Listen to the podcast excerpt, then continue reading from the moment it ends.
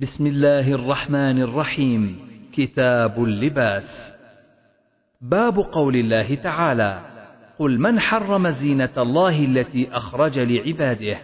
وقال النبي صلى الله عليه وسلم كلوا واشربوا والبسوا وتصدقوا في غير إسراف ولا مخيلة. وقال ابن عباس كل ما شئت والبس ما شئت ما أخطأتك اثنتان سرف أو مخيلة. حدثنا إسماعيل قال حدثني مالك عن نافع وعبد الله بن دينار وزيد بن أسلم يخبرونه عن ابن عمر رضي الله عنهما أن رسول الله صلى الله عليه وسلم قال لا ينظر الله إلى من جر ثوبه خيلا. باب من جر إزاره من غير خيلاء حدثنا أحمد بن يونس حدثنا زهير حدثنا موسى بن عقبة عن سالم بن عبد الله عن أبيه رضي الله عنه عن النبي صلى الله عليه وسلم قال من جر ثوبه خيلا لم ينظر الله إليه يوم القيامة. قال أبو بكر يا رسول الله إن أحد شقي إزاري يسترخي إلا أن أتعاهد ذلك منه. فقال النبي صلى الله عليه وسلم لست ممن يصنعه خيلا. حدثني محمد أخبرنا عبد الأعلى عن يونس عن الحسن عن أبي بكرة رضي الله عنه قال خسفت الشمس ونحن عند النبي صلى الله عليه وسلم فقام يجر ثوبه مستعجلا حتى أتى المسجد. وثاب الناس فصلى ركعتين فجلي عنها ثم أقبل علينا وقال إن الشمس والقمر آيتان من آيات الله. فإذا رأيتم منها شيئا فصلوا وادعوا الله حتى يكشفها. باب التشمير في الثياب.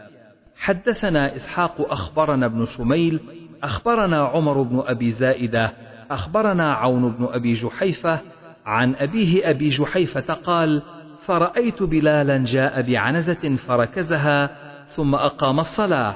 فرأيت رسول الله صلى الله عليه وسلم خرج في حلة مشمرة فصلى ركعتين إلى العنزة ورأيت الناس والدواب يمرون بين يديه من وراء العنزة. باب ما أسفل من الكعبين فهو في النار.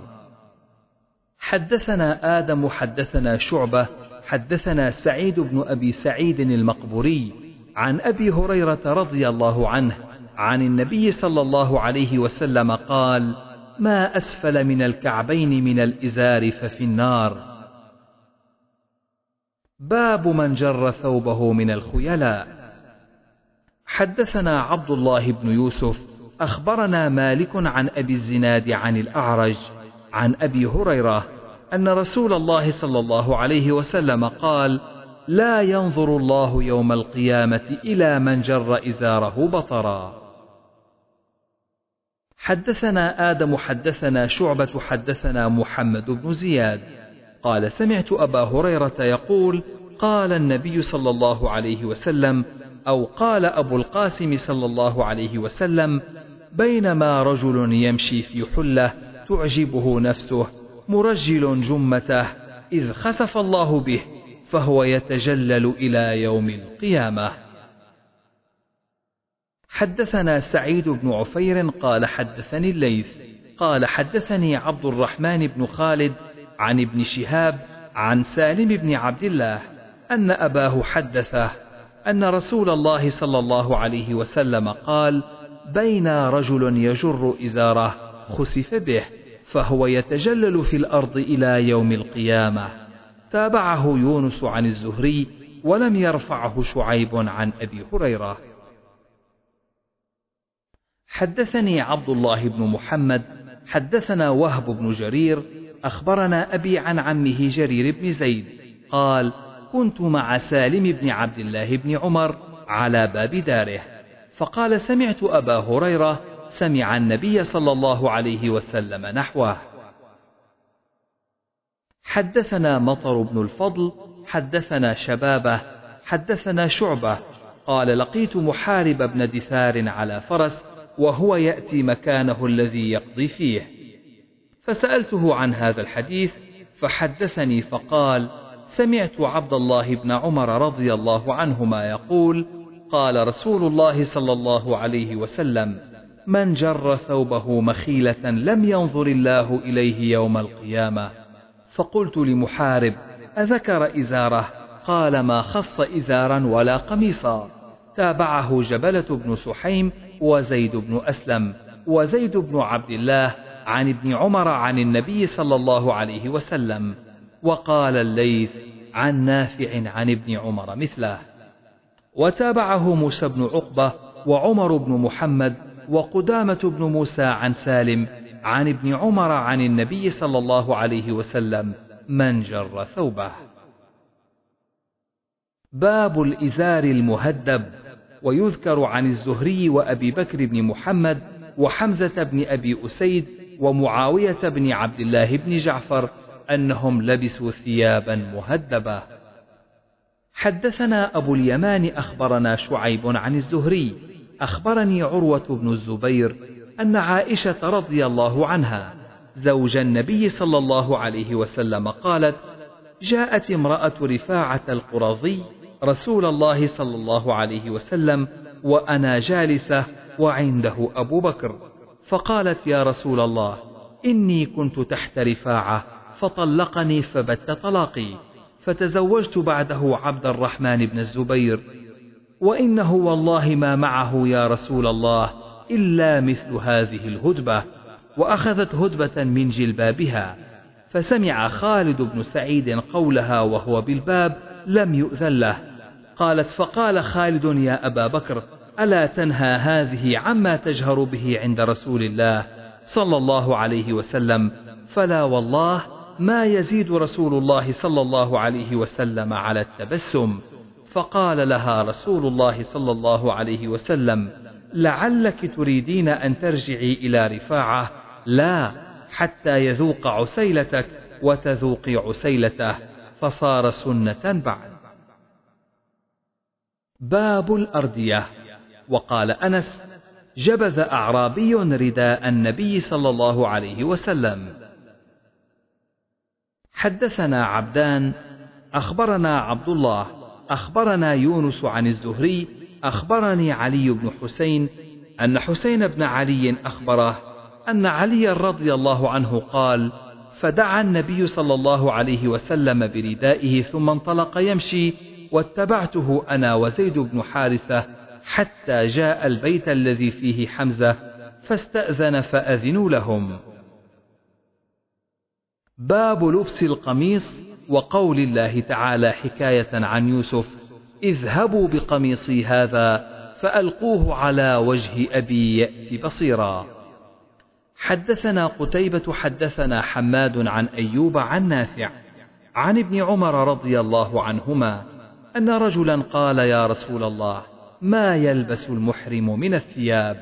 فقال النبي صلى الله عليه وسلم لا يلبس المحرم القميص ولا السراويل ولا البرنس ولا الخفين إلا أن لا يجد النعلين فليلبس ما هو أسفل من الكعبين.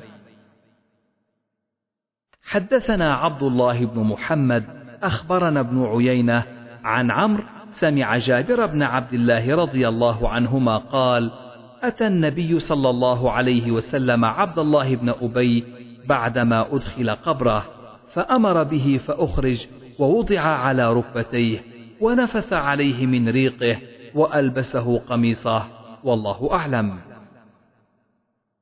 حدثنا صدقة أخبرنا يحيى بن سعيد عن عبيد الله قال أخبرني نافع عن عبد الله قال لما توفي عبد الله بن أبي جاء ابنه إلى رسول الله صلى الله عليه وسلم فقال يا رسول الله أعطني قميصك أكفنه فيه وصل عليه واستغفر له. فأعطاه قميصه وقال إذا فرغت فآذنا. فلما فرغ آذنه فجاء ليصلي عليه فجذبه عمر فقال أليس قد نهاك الله أن تصلي على المنافقين؟ فقال استغفر لهم أو لا تستغفر لهم. إن تستغفر لهم سبعين مرة فلن يغفر الله لهم. فنزلت ولا تصل على أحد منهم مات أبدا. فترك الصلاة عليهم. باب جيب القميص من عند الصدر وغيره. حدثنا عبد الله بن محمد حدثنا أبو عامر حدثنا إبراهيم بن نافع عن الحسن عن طاووس عن أبي هريرة قال ضرب رسول الله صلى الله عليه وسلم مثل البخيل والمتصدق كمثل رجلين عليهما جبتان من حديد قد اضطرت أيديهما إلى ثديهما وتراقيهما فجعل المتصدق كلما تصدق بصدقة انبسطت عنه حتى تغشى أنامله وتعفو أثره وجعل البخيل كلما هم بصدقة قلصت وأخذت كل حلقة بمكانها. قال أبو هريرة فأنا رأيت رسول الله صلى الله عليه وسلم يقول بإصبعه هكذا في جيبه فلو رأيته يوسعها ولا تتوسع.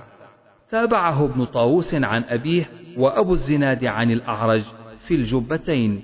وقال حنظلة سمعت طاووسا سمعت أبا هريرة يقول جبتان وقال جعفر عن الأعرج جنتان. باب من لبس جبة ضيقة الكمين في السفر. حدثنا قيس بن حفص حدثنا عبد الواحد حدثنا الأعمش قال حدثني أبو الضحى قال حدثني مسروق قال حدثني المغيرة بن شعبة قال انطلق النبي صلى الله عليه وسلم لحاجته ثم أقبل فتلقيته بماء فتوضأ وعليه جبة شأمية فمضمض واستنشق وغسل وجهه فذهب يخرج يديه من كميه فكانا ضيقين فأخرج يديه من تحت الجبة فغسلهما ومسح برأسه وعلى خفيه. باب جبة الصوف في الغزو. حدثنا أبو نعيم حدثنا زكرياء عن عامر عن عروة بن المغيرة عن أبيه رضي الله عنه قال كنت مع النبي صلى الله عليه وسلم ذات ليلة في سفر فقال أمعك ماء قلت نعم.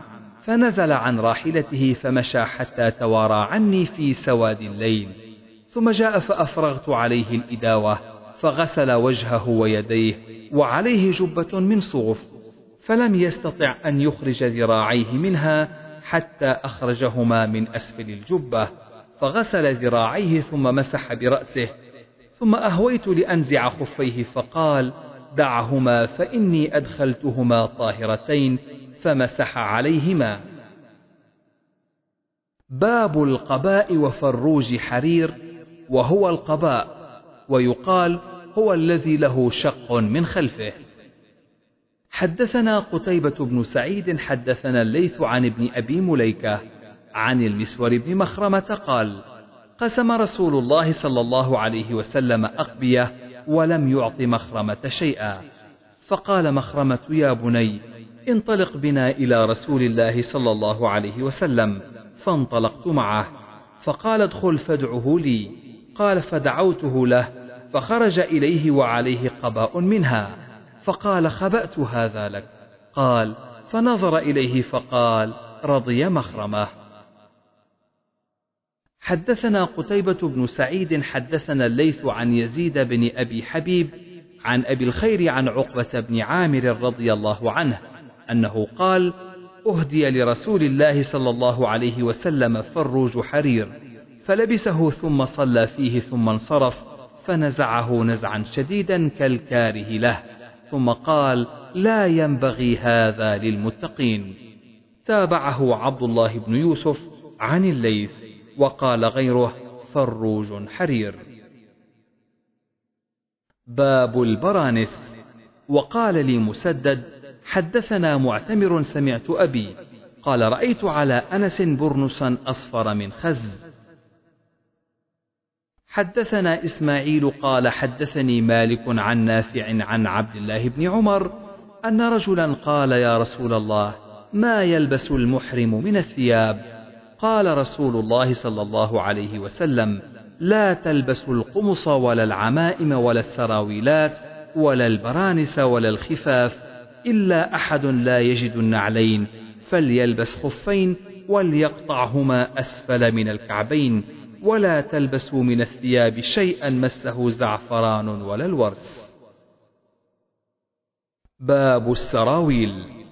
حدثنا أبو نعيم حدثنا سفيان عن عمرو عن جابر بن زيد عن ابن عباس عن النبي صلى الله عليه وسلم قال من لم يجد إزارا فليلبس سراويل ومن لم يجد نعلين فليلبس خفين.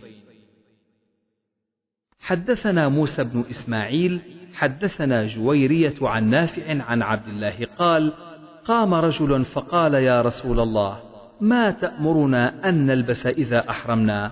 قال لا تلبسوا القميص والسراويل والعمائم والبرانس والخفاف إلا أن يكون رجل ليس له نعلان فليلبس الخفين أسفل من الكعبين ولا تلبسوا شيئا من الثياب مسه زعفران ولا ورس. باب العمائم.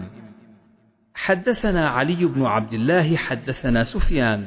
قال سمعت الزهري قال أخبرني سالم عن أبيه عن النبي صلى الله عليه وسلم قال لا يلبس المحرم القميص ولا العمامة ولا السراويل ولا البرنس ولا ثوبا مسه زعفران ولا ورث ولا الخفين إلا لمن لم يجد النعلين فإن لم يجدهما فليقطعهما أسفل من الكعبين.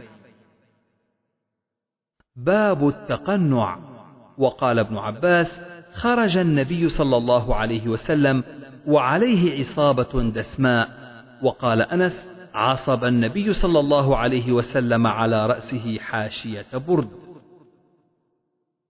حدثنا إبراهيم بن موسى، أخبرنا هشام عن معمر عن الزهري عن عروة عن عائشة رضي الله عنها قالت: هاجر إلى الحبشة من المسلمين، وتجهز أبو بكر مهاجرا، فقال النبي صلى الله عليه وسلم على رسلك فإني أرجو أن يؤذن لي، فقال أبو بكر: أو ترجوه بأبي أنت؟ قال نعم، فحبس أبو بكر نفسه على النبي صلى الله عليه وسلم لصحبته، وعلف راحلتين كانتا عنده ورق السمر أربعة أشهر. قال عروة قالت عائشة فبينا نحن يوما جلوس في بيتنا في نحر الظهيرة؟ فقال قائل لأبي بكر هذا رسول الله صلى الله عليه وسلم مقبلا متقنعا في ساعة لم يكن يأتينا فيها.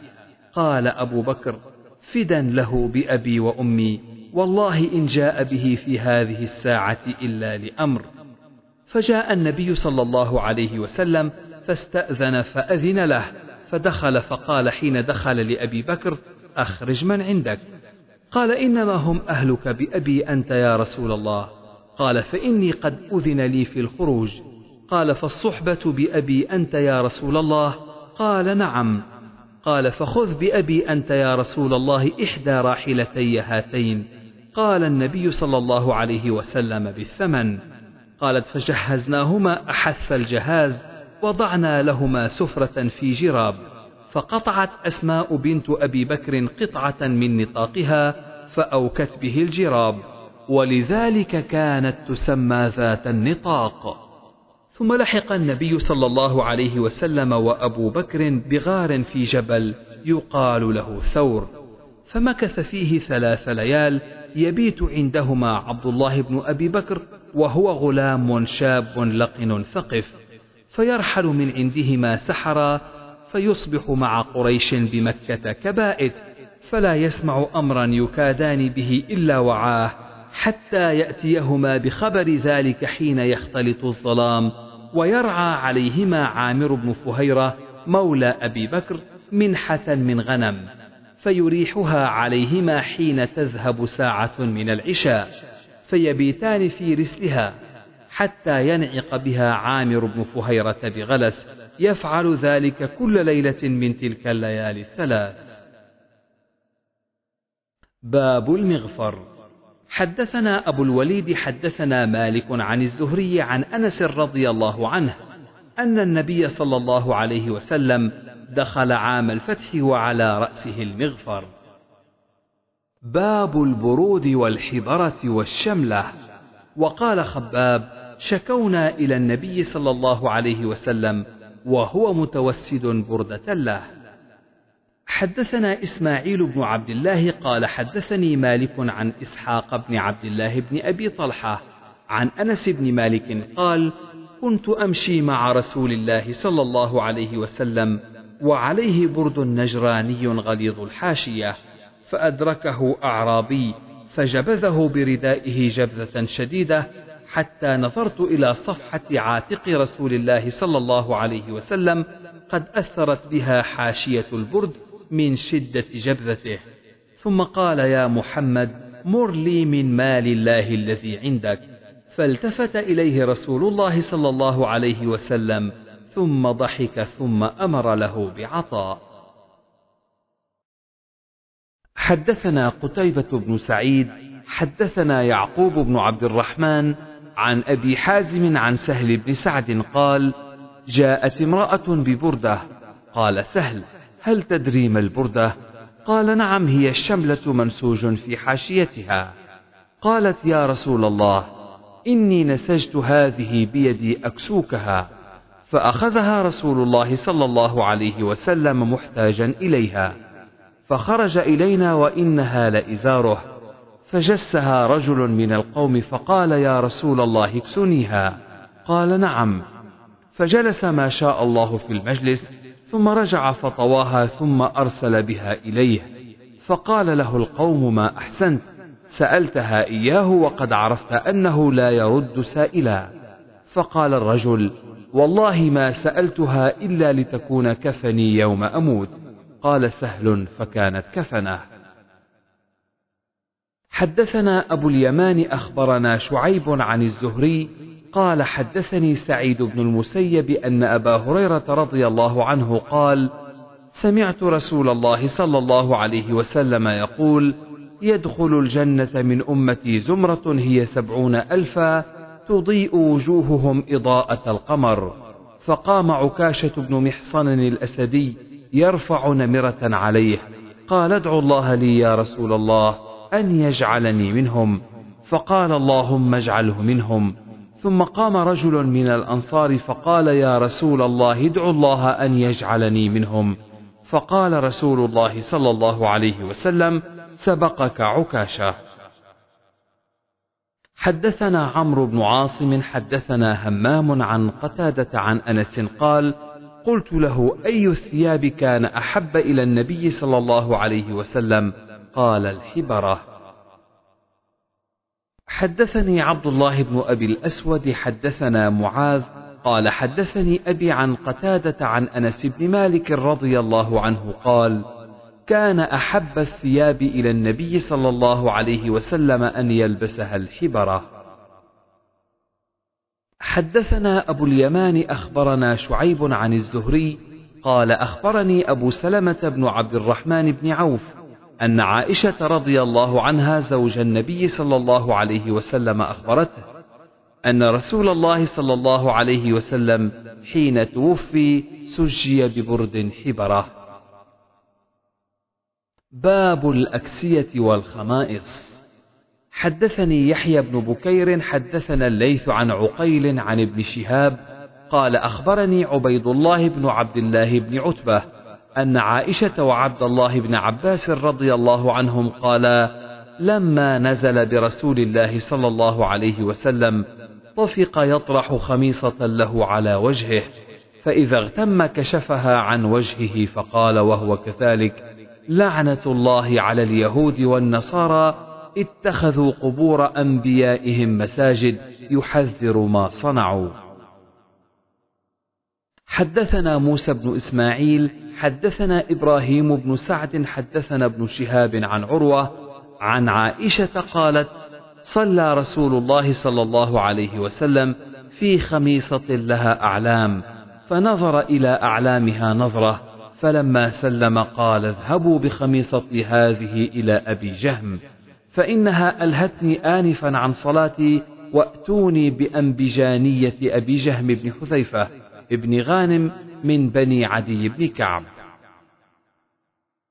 حدثنا مسدد حدثنا إسماعيل حدثنا أيوب عن حميد بن هلال عن أبي بردة قال أخرجت إلينا عائشة كساء وإزارا غليظا فقالت قبض روح النبي صلى الله عليه وسلم في هذين.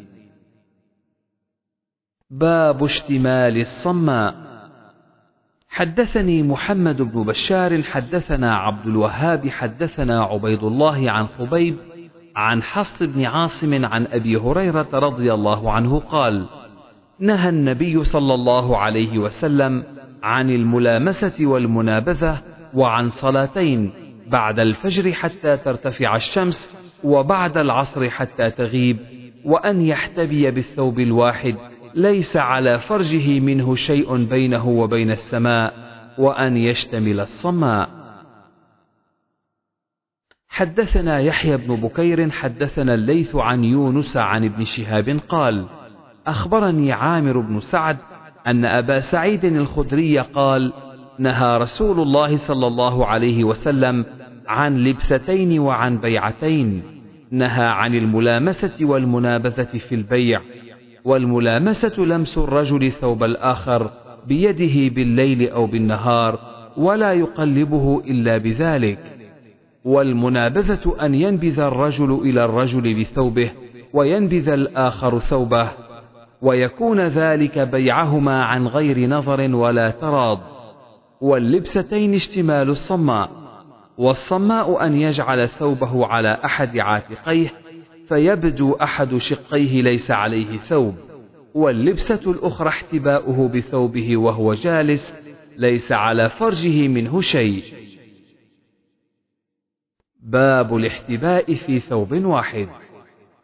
حدثنا إسماعيل قال حدثني مالك عن أبي الزناد عن الأعرج عن أبي هريرة رضي الله عنه قال نهى رسول الله صلى الله عليه وسلم عن لبستين. أن يحتبي الرجل في الثوب الواحد ليس على فرجه منه شيء وأن يشتمل بالثوب الواحد ليس على أحد شقيه. وعن الملامسة والمنابذة حدثني محمد قال أخبرني مخلد أخبرنا ابن جريج قال أخبرني ابن شهاب عن عبيد الله بن عبد الله عن أبي سعيد الخدري رضي الله عنه أن النبي صلى الله عليه وسلم نهى عن اشتمال الصماء وأن يحتبي الرجل في ثوب واحد ليس على فرجه منه شيء. باب الخميصة السوداء حدثنا أبو نعيم حدثنا إسحاق بن سعيد عن أبيه سعيد بن فلان هو عمرو بن سعيد بن العاص عن أم خالد بنت خالد أتي النبي صلى الله عليه وسلم بثياب فيها خميصة سوداء صغيرة. فقال من ترون نكس هذه؟ فسكت القوم. فقال ائتوني بأم خالد. فأتي بها تحمل. فأخذ الخميصة بيده فألبسها. وقال أبلي وأخلفي. وكان فيها علم أخضر أو أصفر. فقال يا أم خالد هذا سناه. وسناه بالحبشية حسن. حدثني محمد بن المثنى قال حدثني ابن أبي عدي عن ابن عون عن محمد عن أنس رضي الله عنه قال لما ولدت أم سليم قالت لي يا أنس انظر هذا الغلام فلا يصيبن شيئا حتى تغدو به إلى النبي صلى الله عليه وسلم يحنكه فغدوت به فإذا هو في حائط وعليه خميصة حريثية وهو يسم الظهر الذي قدم عليه في الفتح. باب ثياب الخضر. حدثنا محمد بن بشار حدثنا عبد الوهاب أخبرنا أيوب عن عكرمة أن رفاعة طلق امرأته فتزوجها عبد الرحمن بن الزبير القرظي. قالت عائشة وعليها خمار أخضر. فشكت إليها وارتها خضرة بجلدها. فلما جاء رسول الله صلى الله عليه وسلم والنساء ينصر بعضهن بعضا قالت عائشة ما رأيت مثل ما يلقى المؤمنات لجلدها أشد خضرة من ثوبها. قال وسمع أنها قد أتت رسول الله صلى الله عليه وسلم فجاء ومعه ابنان له من غيرها. قالت والله ما لي إليه من ذنب إلا أن ما معه ليس بأغنى عني من هذه. وأخذت هدبة من ثوبها فقال كذبت والله يا رسول الله إني لأنفضها نفض الأديم ولكنها ناشز تريد رفاعة. فقال رسول الله صلى الله عليه وسلم فإن كان ذلك لم تحلي له أو لم تصلحي له حتى يذوق من عسيلتك. قال وأبصر معه ابنين. فقال بنوك هؤلاء قال نعم. قال هذا الذي تزعمين ما تزعمين فوالله لهم أشبه به من الغراب بالغراب. باب الثياب البيض. حدثنا إسحاق بن إبراهيم الحنظلي. أخبرنا محمد بن بشر. حدثنا مسعر عن سعد بن إبراهيم عن أبيه عن سعد قال رأيت بشمال النبي صلى الله عليه وسلم وبيمينه رجلين عليهما ثياب بيض يوم أحد ما رأيتهما قبل ولا بعد. حدثنا أبو معمر حدثنا عبد الوارث عن الحسين عن عبد الله بن بريدة عن يحيى بن يعمر.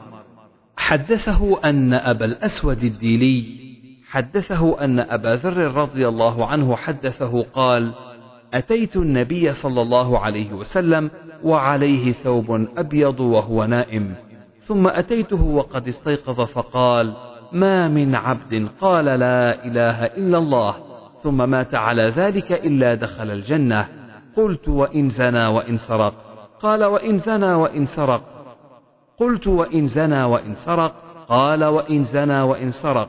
قلت وإن زنى وإن سرق؟ قال وإن زنى وإن سرق على رغم أنف أبي ذر.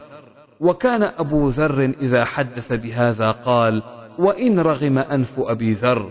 قال أبو عبد الله هذا عند الموت أو قبله إذا تاب وندم. وقال لا إله إلا الله غفر له. باب لبس الحرير وافتراشه للرجال وقدر ما يجوز منه. حدثنا آدم حدثنا شعبة حدثنا قتادة.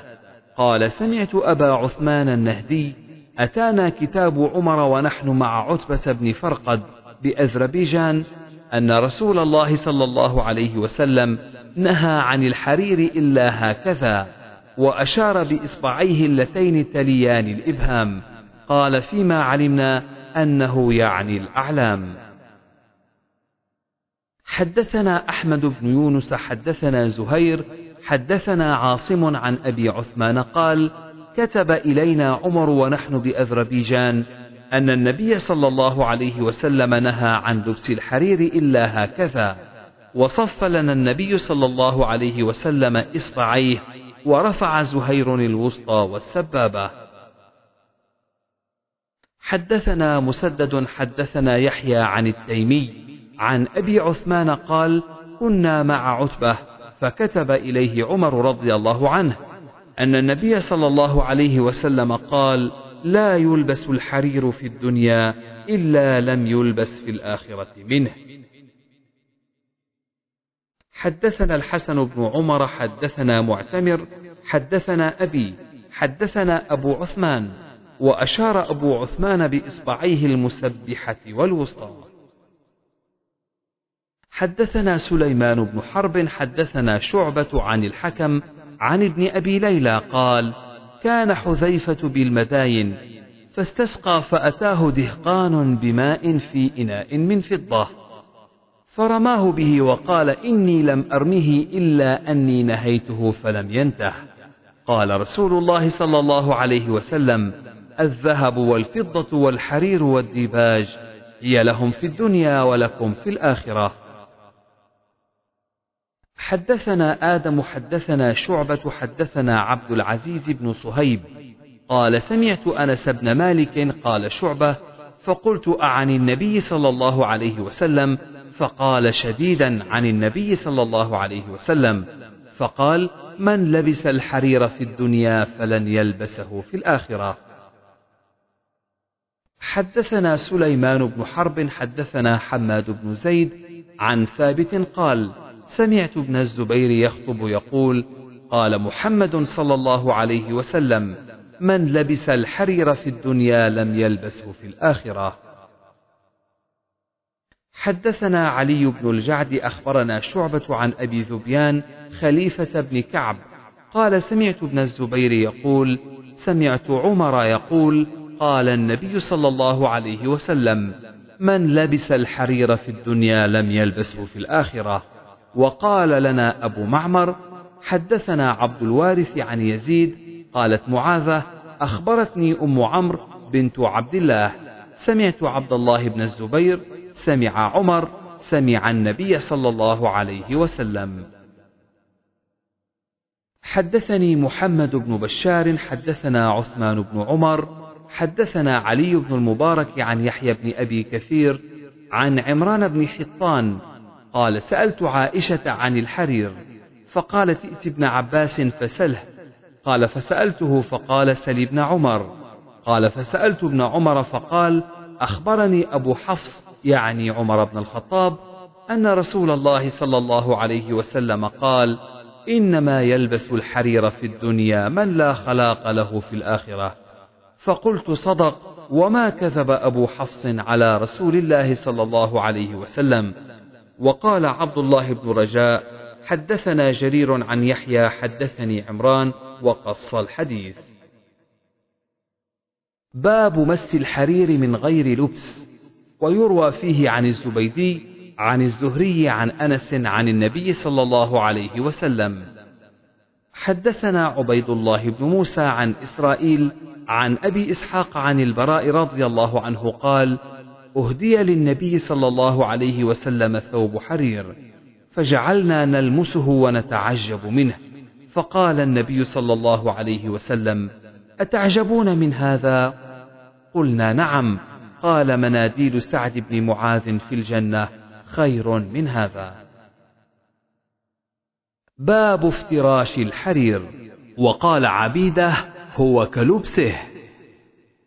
حدثنا علي حدثنا وهب بن جرير حدثنا أبي قال سمعت ابن أبي نجيح عن مجاهد عن ابن أبي ليلى عن حذيفة رضي الله عنه قال نهانا النبي صلى الله عليه وسلم أن نشرب في آنية الذهب والفضة وأن نأكل فيها وعن لبس الحرير والديباج وأن نجلس عليه. باب لبس القسي. وقال عاصم عن أبي بردة قال قلت لعلي ما القسية؟ قال ثياب أتتنا من الشأم أو من مصر مضلعة فيها حرير فيها أمثال الأترنج والميثرة. كانت النساء تصنعه لبعولتهن مثل القطائف يصفرنها. وقال جرير عن يزيد في حديثه القسية ثياب مضلعة يجاء بها من مصر فيها الحرير والميثرة جلود السباع. قال أبو عبد الله عاصم أكثر وأصح في الميثرة. حدثنا محمد بن مقاتل أخبرنا عبد الله أخبرنا سفيان عن أشعث بن أبي الشعثاء. حدثنا معاوية بن سويد بن مقرن عن ابن عازب قال نهانا النبي صلى الله عليه وسلم عن المياثر الحمر والقسي. باب ما يرخص للرجال من الحرير للحكة. حدثني محمد أخبرنا وكيع. أخبرنا شعبة عن قتادة عن أنس قال رخص النبي صلى الله عليه وسلم للزبير وعبد الرحمن في لبس الحرير لحكة بهما. باب الحرير للنساء.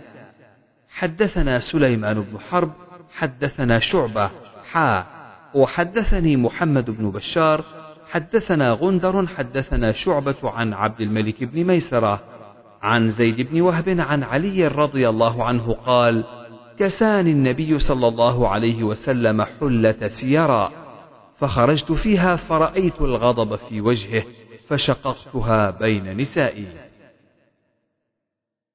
حدثنا موسى بن إسماعيل قال حدثني جويرية عن نافع عن عبد الله أن عمر رضي الله عنه رأى حلة سيراء تباع فقال يا رسول الله لو ابتعتها تلبسها للوفد إذا أتوك والجمعة. قال إنما يلبس هذه من لا خلاق له. وأن النبي صلى الله عليه وسلم بعث بعد ذلك إلى عمر حلة سيراء حرير كساها إياه. فقال عمر كسوتنيها وقد سمعتك تقول فيها ما قلت فقال إنما بعثت إليك لتبيعها أو تكسوها.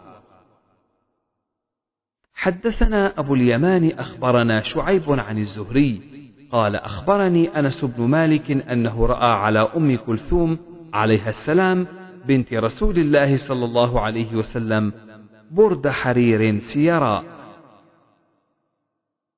باب ما كان النبي صلى الله عليه وسلم يتجوز من اللباس والبسط.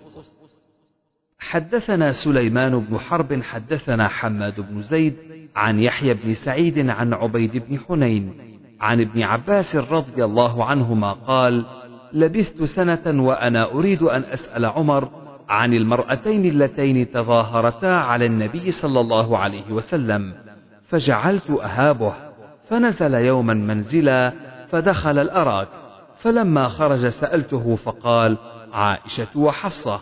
ثم قال كنا في الجاهلية لا نعد النساء شيئا. فلما جاء الإسلام وذكرهن الله رأينا لهن بذلك علينا حقا من غير أن ندخلهن في شيء من أمورنا. وكان بيني وبين امرأتي كلام فأغلظت لي فقلت لها وإنك لهناك قالت تقول هذا لي وابنتك تؤذي النبي صلى الله عليه وسلم. فأتيت حفصة فقلت لها إني أحذرك أن تعصي الله ورسوله وتقدمت إليها في أذاه. فأتيت أم سلمة فقلت لها فقالت أعجب منك يا عمر قد دخلت في أمورنا فلم يبق إلا أن تدخل بين رسول الله صلى الله عليه وسلم وأزواجه. فرددت وكان رجل من الأنصار إذا غاب عن رسول الله صلى الله عليه وسلم وشهدته أتيته بما يكون وإذا غبت عن رسول الله صلى الله عليه وسلم وشهد أتاني بما يكون من رسول الله صلى الله عليه وسلم. وكان من حول رسول الله صلى الله عليه وسلم قد استقام له فلم يبق إلا ملك غسان بالشأم. كنا نخاف أن يأتينا. فما شعرت إلا بالأنصاري وهو يقول إنه قد حدث أمر. قلت له وما هو؟ أجاء الغساني. قال أعظم من ذاك. طلق رسول الله صلى الله عليه وسلم نساءه فجئت فإذا البكاء من حجرها كلها. وإذا النبي صلى الله عليه وسلم قد صعد في مشروبة له وعلى باب المشروبة وصيف. فأتيته فقلت استأذن لي. فدخلت فإذا النبي صلى الله عليه وسلم على حصير قد أثر في جنبه وتحت رأسه مرفقة من أدم حشوها ليف وإذا أهب معلقة وقرض. فذكرت الذي قلت لحفصة وأم سلمة والذي ردت علي أم سلمة فضحك رسول الله صلى الله عليه وسلم فلبث تسعا وعشرين ليلة ثم نزل. حدثنا عبد الله بن محمد حدثنا هشام أخبرنا معمر عن الزهري أخبرتني هند بنت الحارث عن أم سلمة قالت استيقظ النبي صلى الله عليه وسلم من الليل وهو يقول لا إله إلا الله ماذا أنزل الليلة من الفتنة؟ ماذا أنزل من الخزائن؟ من يوقظ صواحب الحجرات؟ كم من كاسية في الدنيا عارية يوم القيامة؟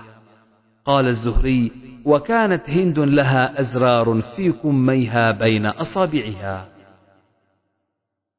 باب ما يدعى لمن لبس ثوبا جديدا. حدثنا أبو الوليد حدثنا إسحاق بن سعيد بن عمرو بن سعيد بن العاص. قال حدثني أبي قال حدثتني أم خالد بنت خالد قالت أتي رسول الله صلى الله عليه وسلم بثياب فيها خميصة سوداء. قال من ترون نكسوها هذه الخميصة؟ فأسكت القوم. قال ائتوني بأم خالد. فأتي بالنبي صلى الله عليه وسلم فألبسها بيده وقال أبلي وأخلقي مرتين. فجعل ينظر إلى علم الخميصة ويشير بيده إلي ويقول يا أم خالد هذا سنى والسنى بلسان الحبشية الحسن. قال إسحاق حدثتني امرأة من أهلي أنها رأته على أم خالد. باب التزعفر للرجال. حدثنا مسدد حدثنا عبد الوارث عن عبد العزيز عن أنس قال نهى النبي صلى الله عليه وسلم أن يتزعفر الرجل. باب الثوب المزعفر حدثنا أبو نعيم حدثنا سفيان عن عبد الله بن دينار عن ابن عمر رضي الله عنهما قال نهى النبي صلى الله عليه وسلم أن يلبس المحرم ثوبا مصبوغا بورس أو بزعفران. باب الثوب الأحمر حدثنا أبو الوليد حدثنا شعبة عن أبي إسحاق سمع البراء رضي الله عنه يقول: كان النبي صلى الله عليه وسلم مربوعا وقد رأيته في حلة حمراء ما رأيت شيئا أحسن منه. باب الميثرة الحمراء حدثنا قبيصة حدثنا سفيان عن أشعث عن معاوية بن سويد بن مقرن عن البراء رضي الله عنه قال أمرنا النبي صلى الله عليه وسلم بسبع عيادة المريض واتباع الجنائز وتشميت العاطس ونهانا عن لبس الحرير والديباج والقسي والاستبرق ومياثر الحمر. باب النعال السبتية وغيرها. حدثنا سليمان بن حرب حدثنا حماد عن سعيد أبي مسلمة قال سألت أنسا أكان النبي صلى الله عليه وسلم يصلي في نعليه قال نعم. حدثنا عبد الله بن مسلمة عن مالك عن سعيد المقبوري عن عبيد بن جريج أنه قال لعبد الله بن عمر رضي الله عنهما رأيتك تصنع أربعا لم أر أحدا من أصحابك يصنعها. قال ما هي يا ابن جريج؟ قال رأيتك لا تمس من الأركان إلا اليمانيين ورأيتك تلبس النعال السبتية ورأيتك تصبغ بالصفرة ورأيتك إذا كنت بمكة أهل الناس إذا رأوا الهلال ولم تهل أنت حتى كان يوم التروية. فقال له عبد الله بن عمر أما الأركان فإني لم أر رسول الله صلى الله عليه وسلم يمس إلا اليمانيين. وأما النعال السبتية فإني رأيت رسول الله صلى الله عليه وسلم يلبس النعال التي ليس فيها شعر ويتوضأ فيها فأنا أحب أن ألبسها. وأما الصفرة فإني رأيت رسول الله صلى الله عليه وسلم يصبغ بها فأنا أحب أن أصبغ بها. وأما الإهلال فإني لم أر رسول الله صلى الله عليه وسلم يهل حتى تنبعث به راحلته.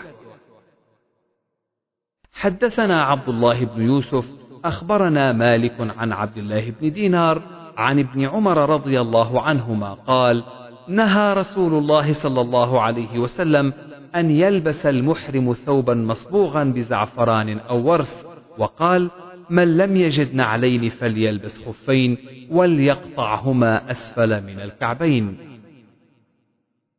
حدثنا محمد بن يوسف حدثنا سفيان عن عمرو بن دينار عن جابر بن زيد عن ابن عباس رضي الله عنهما قال قال النبي صلى الله عليه وسلم من لم يكن له إزار فليلبس السراويل ومن لم يكن له نعلان فليلبس خفين. باب يبدأ بالنعل اليمنى. حدثنا حجاج بن منهال حدثنا شعبة قال أخبرني أشعث بن سليم سمعت أبي يحدث عن مسروق عن عائشة رضي الله عنها قالت كان النبي صلى الله عليه وسلم يحب التيمن في طهوره وترجله وتنعله. باب ينزع نعل اليسرى.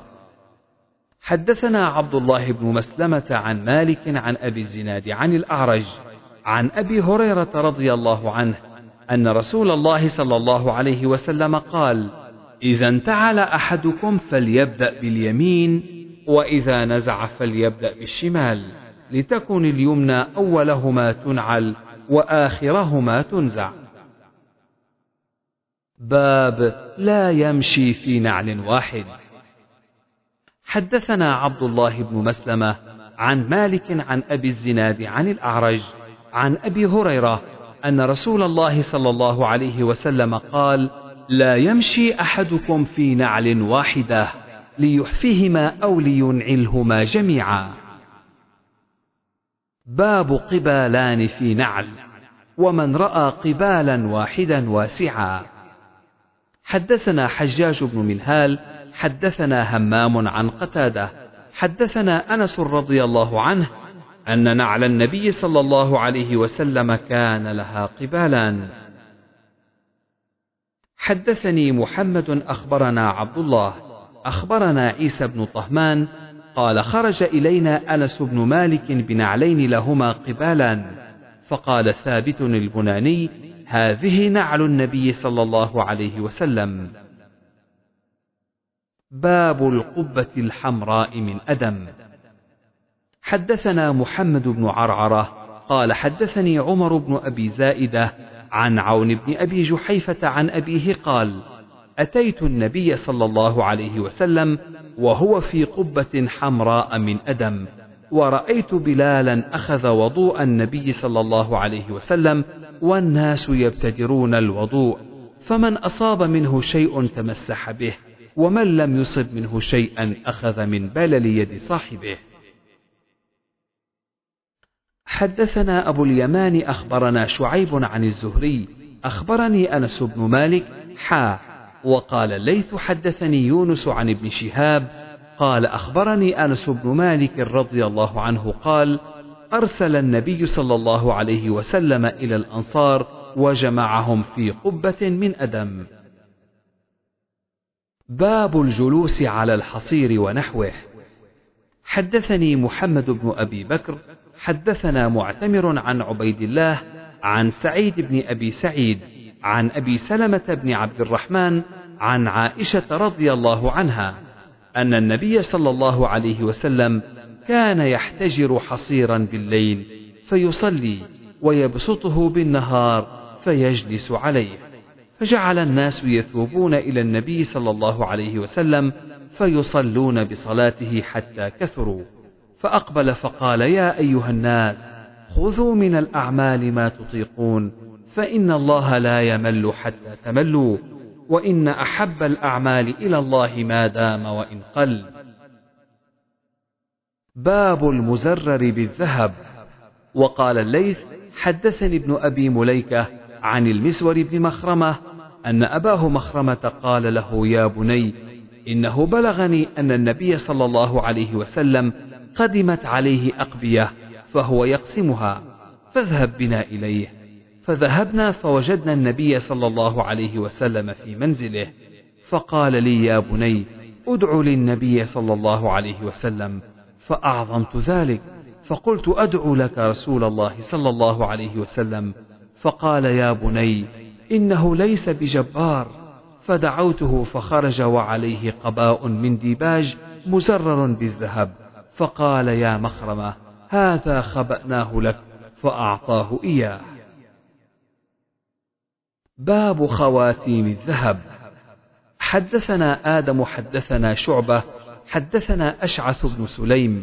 قال سمعت معاوية بن سويد بن مقرن قال سمعت البراء بن عازب رضي الله عنهما يقول نهانا النبي صلى الله عليه وسلم عن سبع. نهى عن خاتم الذهب أو قال حلقة الذهب وعن الحرير والاستبرق والديباج والميثرة الحمراء والقسي وآنية الفضة وأمرنا بسبع بعيادة المريض واتباع الجنائز وتشميت العاطس ورد السلام وإجابة الداعي وإبرار المقسم ونصر المظلوم. حدثني محمد بن بشار حدثنا غندر حدثنا شعبة عن قتادة عن النضر بن أنس عن بشير بن نهيك عن أبي هريرة رضي الله عنه عن النبي صلى الله عليه وسلم أنه نهى عن خاتم الذهب. وقال عمرو أخبرنا شعبة عن قتادة سمع النضر سمع بشيرا مثله. حدثنا مسدد حدثنا يحيى عن عبيد الله قال حدثني نافع عن عبد الله رضي الله عنه أن رسول الله صلى الله عليه وسلم اتخذ خاتما من ذهب وجعل فصه مما يلي كفه فاتخذه الناس فرمى به واتخذ خاتما من ورق أو فضة. باب خاتم الفضة. حدثنا يوسف بن موسى حدثنا أبو أسامة حدثنا عبيد الله عن نافع عن ابن عمر رضي الله عنهما أن رسول الله صلى الله عليه وسلم اتخذ خاتما من ذهب أو فضة وجعل فصه مما يلي كفه ونقش فيه محمد رسول الله فاتخذ الناس مثله فلما رآهم قد اتخذوها رمى به وقال لا ألبسه أبدا. ثم اتخذ خاتما من فضة فاتخذ الناس خواتيم الفضة. قال ابن عمر فلبس الخاتم بعد النبي صلى الله عليه وسلم أبو بكر ثم عمر ثم عثمان حتى وقع من عثمان في بئر أريس. باب حدثنا عبد الله بن مسلمة عن مالك عن عبد الله بن دينار عن عبد الله بن عمر رضي الله عنهما قال كان رسول الله صلى الله عليه وسلم يلبس خاتما من ذهب فنبذه فقال لا ألبسه أبدا فنبذ الناس خواتيمهم. حدثني يحيى بن بكير حدثنا الليث عن يونس عن ابن شهاب قال حدثني أنس بن مالك رضي الله عنه أنه رأى في يد رسول الله صلى الله عليه وسلم خاتما من ورق يوما واحدا. ثم إن الناس اصطنعوا الخواتيم من ورق ولبسوها فطرح رسول الله صلى الله عليه وسلم خاتمه فطرح الناس خواتيمهم. تابعه إبراهيم بن سعد وزياد وشعيب عن الزهري. وقال ابن مسافر عن الزهري أرى خاتما من ورق. باب فص الخاتم. حدثنا عبدان أخبرنا يزيد بن زريع. أخبرنا حميد قال سئل أنس هل اتخذ النبي صلى الله عليه وسلم خاتما؟ قال أخر ليلة صلاة العشاء إلى شطر الليل ثم أقبل علينا بوجهه فكأني أنظر إلى وبيص خاتمه. قال إن الناس قد صلوا وناموا وإنكم لم تزالوا في صلاة ما انتظرتموها. حدثنا إسحاق أخبرنا معتمر قال سمعت حميدا يحدث عن أنس رضي الله عنه أن النبي صلى الله عليه وسلم كان خاتمه من فضة وكان فصه منه. وقال يحيى بن أيوب حدثني حميد سمع أنسا عن النبي صلى الله عليه وسلم. باب خاتم الحديد. حدثنا عبد الله بن مسلمة حدثنا عبد العزيز بن أبي حازم عن أبيه أنه سمع سهلا يقول جاءت امرأة إلى النبي صلى الله عليه وسلم فقالت جئت أهب نفسي. فقامت طويلا فنظر وصوب فلما طال مقامها فقال رجل زوجنيها إن لم يكن لك بها حاجة. قال عندك شيء تصدقها؟ قال لا. قال انظر. فذهب ثم رجع فقال والله إن وجدت شيئا. قال اذهب فالتمس ولو خاتما من حديد. فذهب ثم رجع قال لا والله ولا خاتما من حديد وعليه إزار ما عليه رداء فقال أصدقها إزاري. فقال النبي صلى الله عليه وسلم إزارك إن لبسته لم يكن عليك منه شيء وإن لبسته لم يكن عليها منه شيء. فتنحى الرجل. فجلس فرآه النبي صلى الله عليه وسلم موليا فأمر به فدعي فقال ما معك من القرآن؟ قال سورة كذا وكذا السور عددها. قال قد ملكتكها بما معك من القرآن. باب نقش الخاتم. حدثنا عبد الأعلى حدثنا يزيد بن زريع. حدثنا سعيد عن قتادة عن أنس بن مالك رضي الله عنه أن نبي الله صلى الله عليه وسلم أراد أن يكتب إلى رهط وأناس من الأعاجم فقيل له إنهم لا يقبلون كتابا إلا عليه خاتم فاتخذ النبي صلى الله عليه وسلم خاتما من فضة نقشه محمد رسول الله فكأني بوبيص أو ببصيص الخاتم في إصبع النبي صلى الله عليه وسلم أو في كفه. حدثني محمد بن سلام أخبرنا عبد الله بن نمير عن عبيد الله عن نافع عن ابن عمر رضي الله عنهما قال اتخذ رسول الله صلى الله عليه وسلم خاتما من ورق وكان في يده ثم كان بعد في يد أبي بكر ثم كان بعد في يد عمر ثم كان بعد في يد عثمان حتى وقع بعد في بئر أريس. نقشه محمد رسول الله. باب الخاتم في الخنصر. حدثنا أبو معمر حدثنا عبد الوارث حدثنا عبد العزيز بن صهيب عن أنس رضي الله عنه قال صنع النبي صلى الله عليه وسلم خاتما. قال إن اتخذنا خاتما ونقشنا فيه نقشا فلا ينقش عليه أحد. قال فإني لأرى بريقه في خنصره.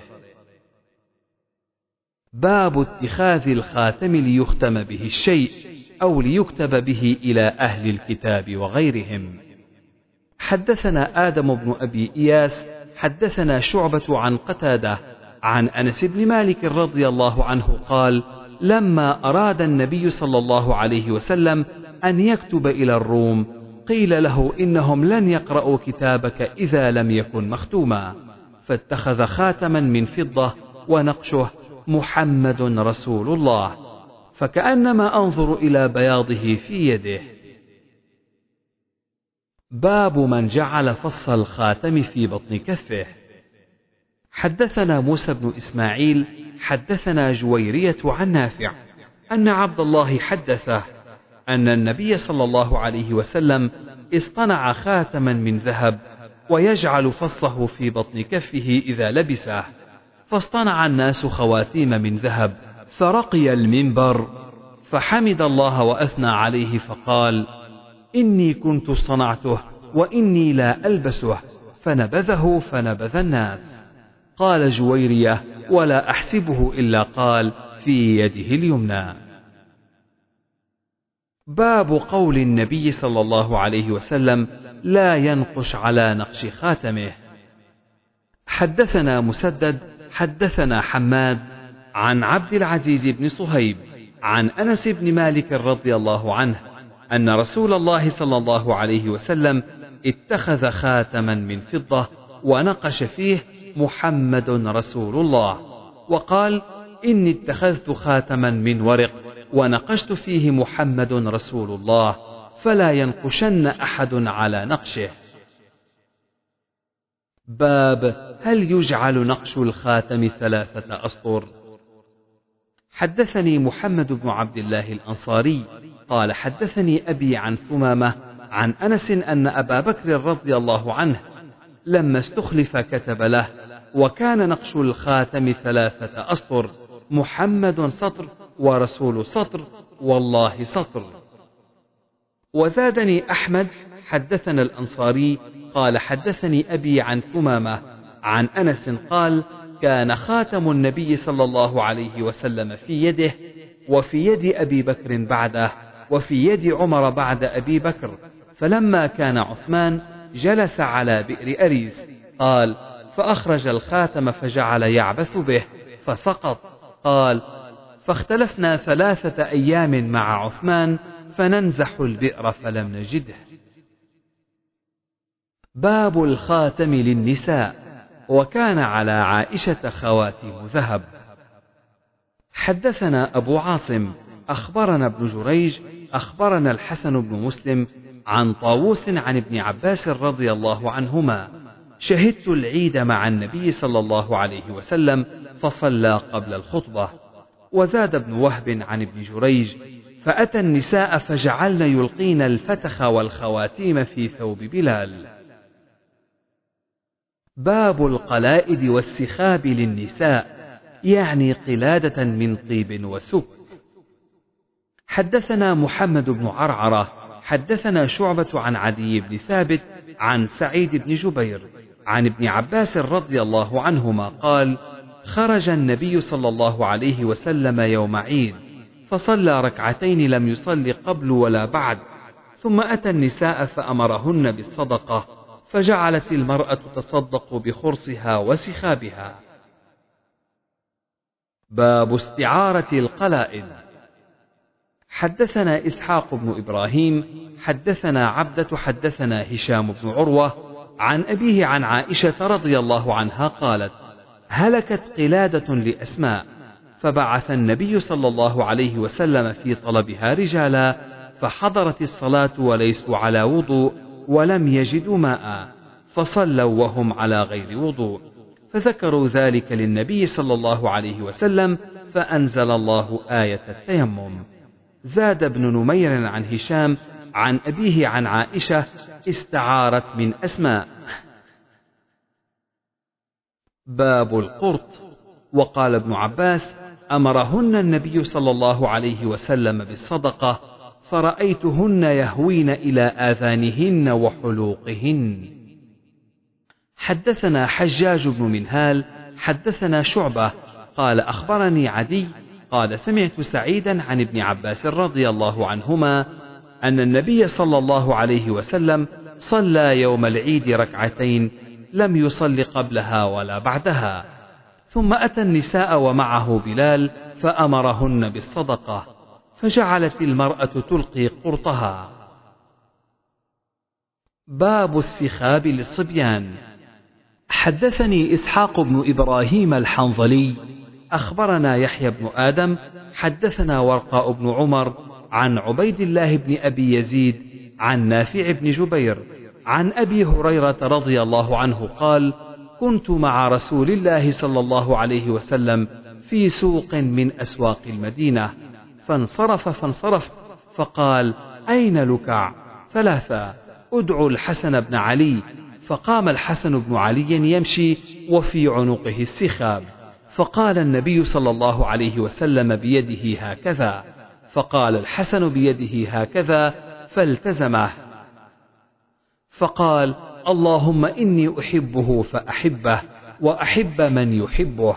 قال أبو هريرة فما كان أحد أحب إلي من الحسن بن علي بعدما قال رسول الله صلى الله عليه وسلم ما قال. باب المتشبهون بالنساء والمتشبهات بالرجال. حدثنا محمد بن بشار حدثنا غندر حدثنا شعبة عن قتادة عن عكرمة عن ابن عباس رضي الله عنهما قال لعن رسول الله صلى الله عليه وسلم المتشبهين من الرجال بالنساء والمتشبهات من النساء بالرجال تابعه عمرو أخبرنا شعبة. باب إخراج المتشبهين بالنساء من البيوت. حدثنا معاذ بن فضالة حدثنا هشام عن يحيى عن عكرمة عن ابن عباس قال لعن النبي صلى الله عليه وسلم المخنثين من الرجال والمترجلات من النساء وقال أخرجوهم من بيوتكم. قال فأخرج النبي صلى الله عليه وسلم فلانا وأخرج عمر فلانا. حدثنا مالك بن إسماعيل حدثنا زهير حدثنا هشام بن عروة أن عروة أخبره أن زينب ابنة أبي سلمة أخبرته أن أم سلمة أخبرتها أن النبي صلى الله عليه وسلم كان عندها وفي البيت مخنث. فقال لعبد الله أخي أم سلمة يا عبد الله إن فتح لكم غدا الطائف فإني أدلك على بنت غيلان فإنها تقبل بأربع وتدبر بثمان. فقال النبي صلى الله عليه وسلم لا يدخلن هؤلاء عليكن. قال أبو عبد الله تقبل بأربع وتدبر يعني أربع عكن بطنها فهي تقبل بهن وقوله تدبر بثمان يعني أطراف هذه العكن الأربع لأنها محيطة بالجنبين حتى لحقت.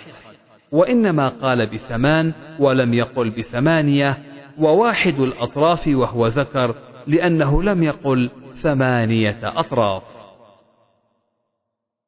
باب قص الشارب. وكان عمر يحفي شاربه حتى ينظر إلى بياض الجلد ويأخذ هذين يعني بين الشارب واللحية.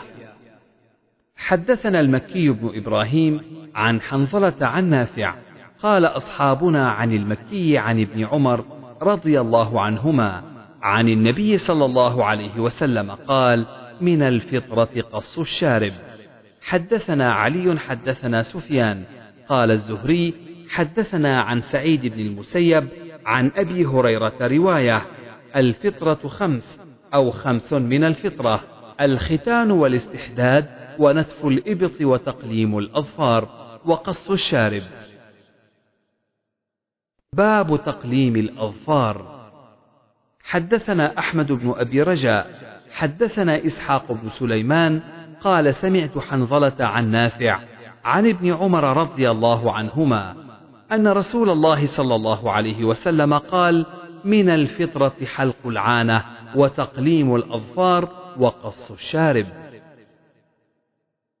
حدثنا أحمد بن يونس حدثنا إبراهيم بن سعد حدثنا ابن شهاب عن سعيد بن المسيب عن أبي هريرة رضي الله عنه سمعت النبي صلى الله عليه وسلم يقول الفطرة خمس الختان والاستحداد وقص الشارب وتقليم الأظفار ونتف الأباط. حدثنا محمد بن منهال حدثنا يزيد بن زريع حدثنا عمر بن محمد بن زيد عن نافع عن ابن عمر عن النبي صلى الله عليه وسلم قال خالفوا المشركين. وفروا اللحى وأحفوا الشوارب. وكان ابن عمر إذا حج أو اعتمر قبض على لحيته فما فضل أخذه. باب إعفاء اللحى. حدثني محمد أخبرنا عبده أخبرنا عبيد الله بن عمر عن نافع عن ابن عمر رضي الله عنهما قال قال رسول الله صلى الله عليه وسلم انهكوا الشوارب وأعفوا اللحى. باب ما يذكر في الشيب. حدثنا معل بن أسد حدثنا وهيب عن أيوب عن محمد بن سيرين قال سألت أنسا أخضب النبي صلى الله عليه وسلم قال لم يبلغ الشيب إلا قليلا. حدثنا سليمان بن حرب حدثنا حماد بن زيد عن ثابت قال سئل أنس عن خضاب النبي صلى الله عليه وسلم فقال إنه لم يبلغ ما يخطب لو شئت أن أعد شمطاته في لحيته.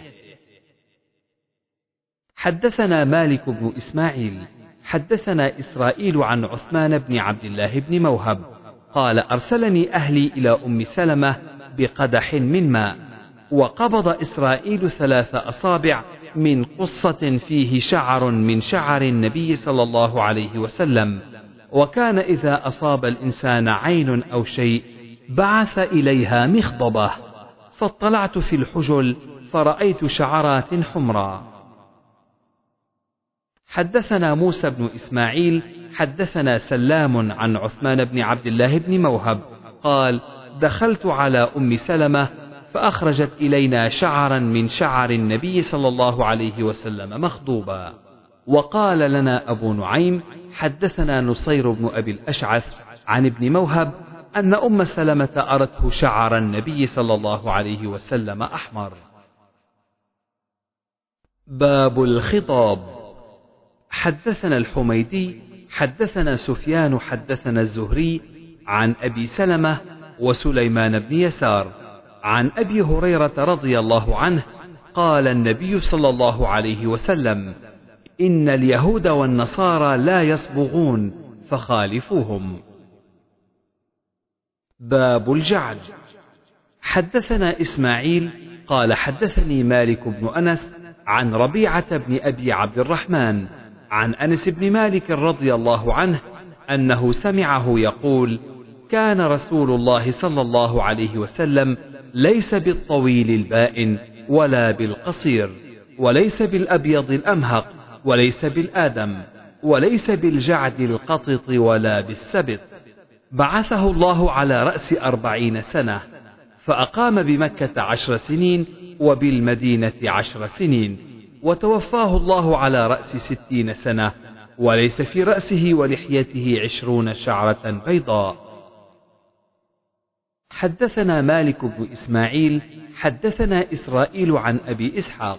سمعت البراء يقول ما رأيت أحدا أحسن في حلة حمراء من النبي صلى الله عليه وسلم. قال بعض أصحابي عن مالك إن جمته لتضرب قريبا من منكبيه. قال أبو إسحاق سمعته يحدثه غير مرة ما حدث به قط إلا ضحك. تابعه شعبة شعره يبلغ شحمة أذنيه. حدثنا عبد الله بن يوسف أخبرنا مالك عن نافع عن عبد الله بن عمر رضي الله عنهما أن رسول الله صلى الله عليه وسلم قال أراني الليلة عند الكعبة فرأيت رجلا آدم كأحسن ما أنت راء من أدم الرجال له لمة كأحسن ما أنت راء من اللمم. قد رجلها فهي تقطر ماء متكئا على رجلين أو على عواتق رجلين يطوف بالبيت. فسألت من هذا؟ فقيل المسيح ابن مريم. وإذا أنا برجل جعد قطط أعور العين اليمنى كأنها عنبة طافية. فسألت من هذا؟ فقيل المسيح الدجال. حدثنا إسحاق أخبرنا حبان حدثنا همام حدثنا قتادة حدثنا أنس أن النبي صلى الله عليه وسلم كان يضرب شعره منكبيه. حدثنا موسى بن إسماعيل حدثنا همام عن قتادة عن أنس كان يضرب شعر النبي صلى الله عليه وسلم منكبيه. حدثني عمرو بن علي حدثنا وهب بن جرير قال حدثني أبي عن قتادة قال سألت أنس بن مالك رضي الله عنه عن شعر رسول الله صلى الله عليه وسلم فقال كان شعر رسول الله صلى الله عليه وسلم رجلا ليس بالسبط ولا الجعد بين أذنيه وعاتقه. حدثنا مسلم حدثنا جرير عن قتادة عن أنس قال كان النبي صلى الله عليه وسلم ضخم اليدين لم أر بعده مثله. وكان شعر النبي صلى الله عليه وسلم رجلا لا جعد ولا سبط. حدثنا أبو النعمان حدثنا جرير بن حازم عن قتادة عن أنس رضي الله عنه قال كان النبي صلى الله عليه وسلم ضخم اليدين والقدمين حسن الوجه لم أر بعده ولا قبله مثله وكان بسط الكفين. حدثني عمرو بن علي حدثنا معاذ بن هانئ حدثنا همام حدثنا قتادة عن أنس بن مالك أو عن رجل عن أبي هريرة قال كان النبي صلى الله عليه وسلم ضخم القدمين حسن الوجه لم أر بعده مثله. وقال هشام عن معمر عن قتادة عن أنس كان النبي صلى الله عليه وسلم شثن القدمين والكفين. وقال أبو هلال حدثنا قتادة عن أنس أو جابر بن عبد الله كان النبي صلى الله عليه وسلم ضخم الكفين والقدمين لم أر بعده شبها له.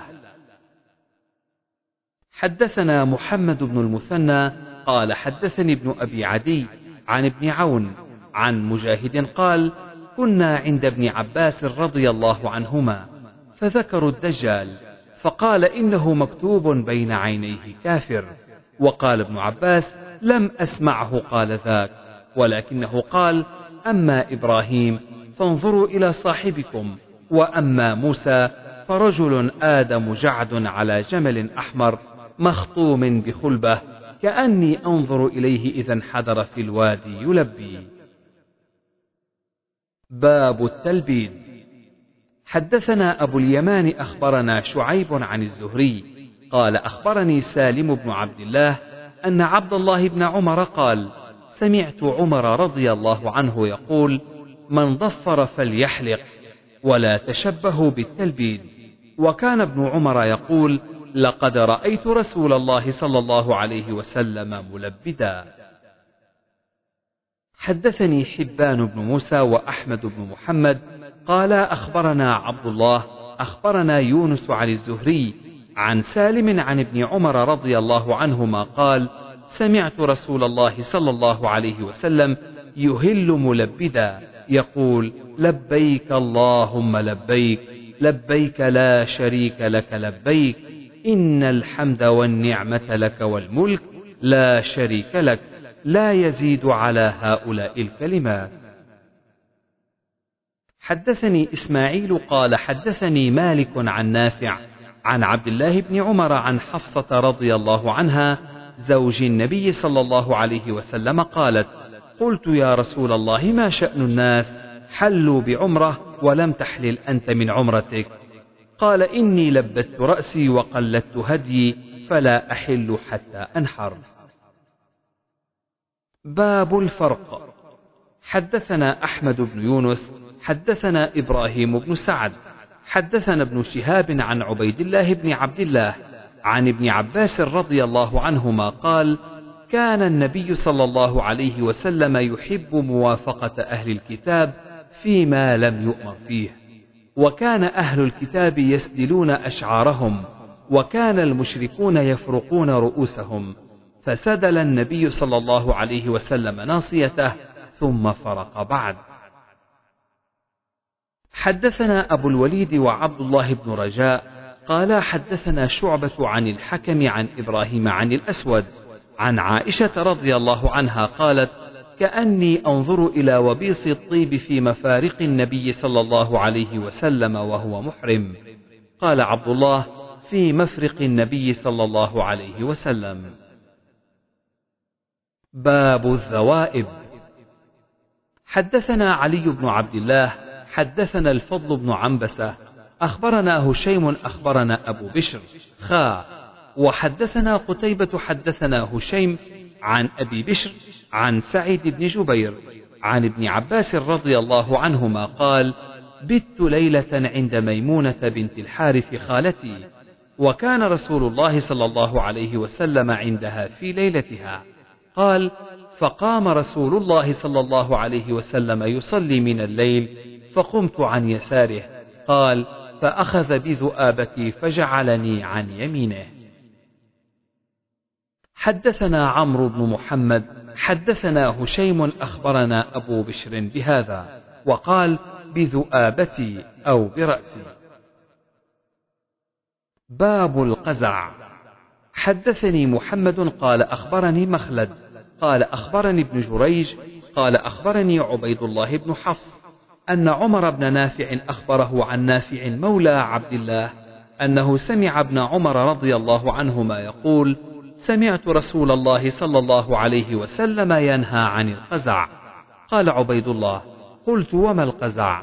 فأشار لنا عبيد الله قال إذا حلق الصبي وترك ها هنا شعرة وها هنا وها هنا فأشار لنا عبيد الله إلى نصيته وجانبي رأسه.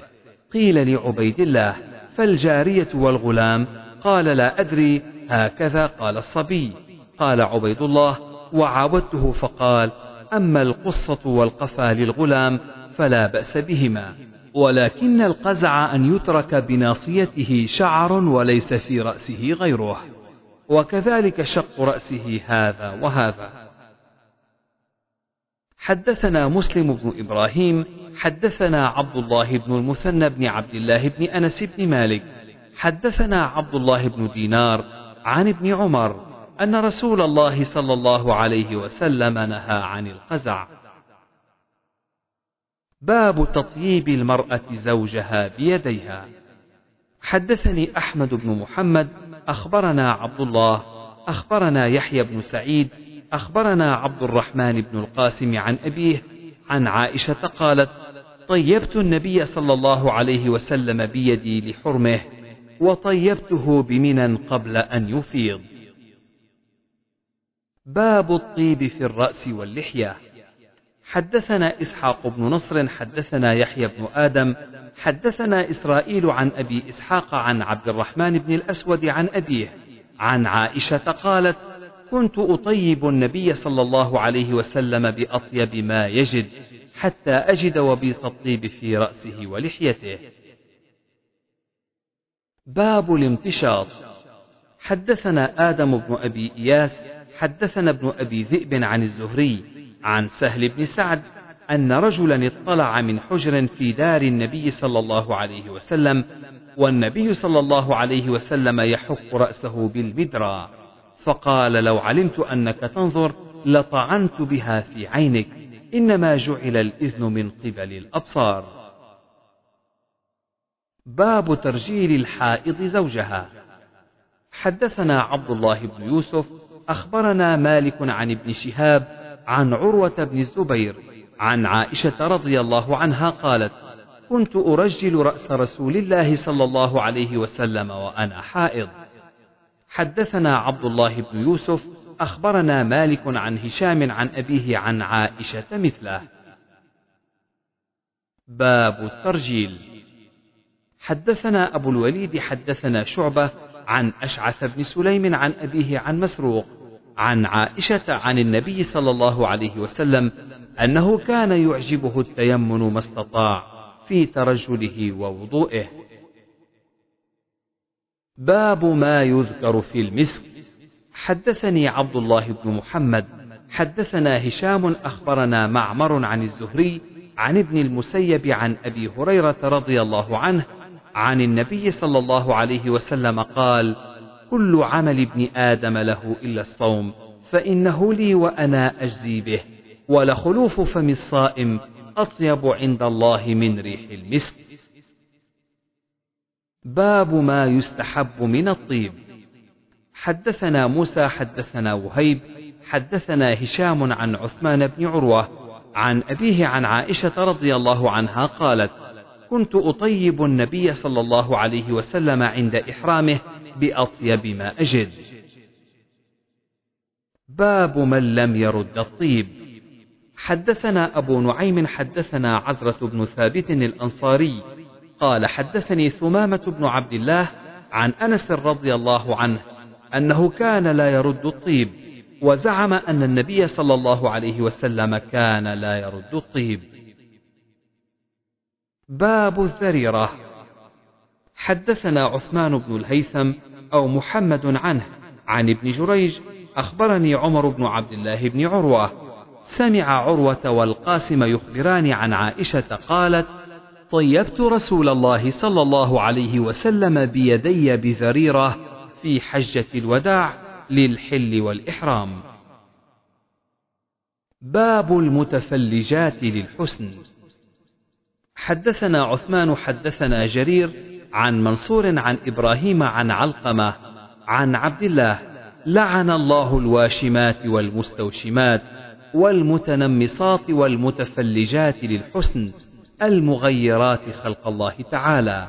ما لي لا ألعن من لعن النبي صلى الله عليه وسلم وهو في كتاب الله وما آتاكم الرسول فخذوه.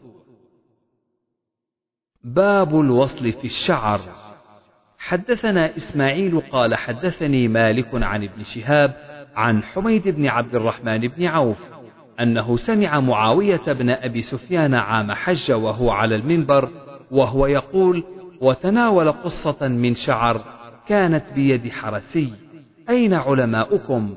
سمعت رسول الله صلى الله عليه وسلم ينهى عن مثل هذه ويقول إنما هلكت بنو إسرائيل حين اتخذ هذه نساؤهم. وقال ابن أبي شيبة حدثنا يونس بن محمد حدثنا فليح عن زيد بن أسلم عن عطاء بن يسار عن أبي هريرة رضي الله عنه عن النبي صلى الله عليه وسلم قال لعن الله الواصلة والمستوصلة والواشمة والمستوشمة. حدثنا آدم حدثنا شعبة عن عمرو بن مرة قال سمعت الحسن بن مسلم بن يناق يحدث عن صفية بنت شيبة عن عائشة رضي الله عنها أن جارية من الأنصار تزوجت وأنها مرضت فتمعط شعرها فأرادوا أن يصلوها. فسألوا النبي صلى الله عليه وسلم فقال لعن الله الواصلة والمستوصلة. تابعه ابن إسحاق عن أبان بن صالح عن الحسن عن صفية عن عائشة. حدثني أحمد بن المقدام حدثنا فضيل بن سليمان حدثنا منصور بن عبد الرحمن. قال حدثتني أمي عن أسماء بنت أبي بكر رضي الله عنهما أن امرأة جاءت إلى رسول الله صلى الله عليه وسلم فقالت إني أنكحت ابنتي ثم أصابها شكوى فتمرق رأسها وزوجها يستحثني بها أفأصل رأسها فسب رسول الله صلى الله عليه وسلم الواصلة والمستوصلة. حدثنا آدم حدثنا شعبة عن هشام بن عروة عن امرأته فاطمة عن أسماء بنت أبي بكر قالت لعن النبي صلى الله عليه وسلم الواصلة والمستوصلة. حدثني محمد بن مقاتل أخبرنا عبد الله أخبرنا عبيد الله عن نافع عن ابن عمر رضي الله عنهما أن رسول الله صلى الله عليه وسلم قال لعن الله الواصلة والمستوصلة والواشمة والمستوشمة قال نافع الوشم في اللثة حدثنا آدم حدثنا شعبة حدثنا عمرو بن مرة سمعت سعيد بن المسيب قال قدم معاوية المدينة آخر قدمة قدمها فخطبنا فأخرج كبة من شعر قال ما كنت أرى أحدا يفعل هذا غير اليهود إن النبي صلى الله عليه وسلم سماه الزور يعني الواصلة في الشعر. باب المتنمصات. حدثنا إسحاق بن إبراهيم أخبرنا جرير عن منصور عن إبراهيم عن علقمة قال لعن عبد الله الواشمات والمتنمصات والمتفلجات للحسن المغيرات خلق الله. فقالت أم يعقوب ما هذا؟ قال عبد الله وما لي لا ألعن من لعن رسول الله وفي كتاب الله. قالت والله لقد قرأت ما بين اللوحين فما وجدته. قال والله لئن قرأتيه لقد وجدتيه وما آتاكم الرسول فخذوه وما نهاكم عنه فانتهوا. باب الموصولة حدثني محمد حدثنا عبدة عن عبيد الله عن نافع عن ابن عمر رضي الله عنهما قال: لعن النبي صلى الله عليه وسلم الواصلة والمستوصلة والواشمة والمستوشمة.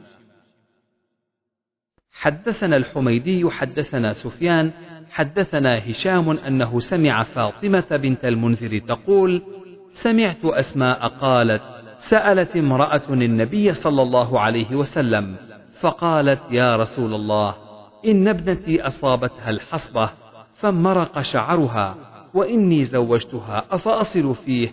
فقال لعن الله الواصلة والموصولة.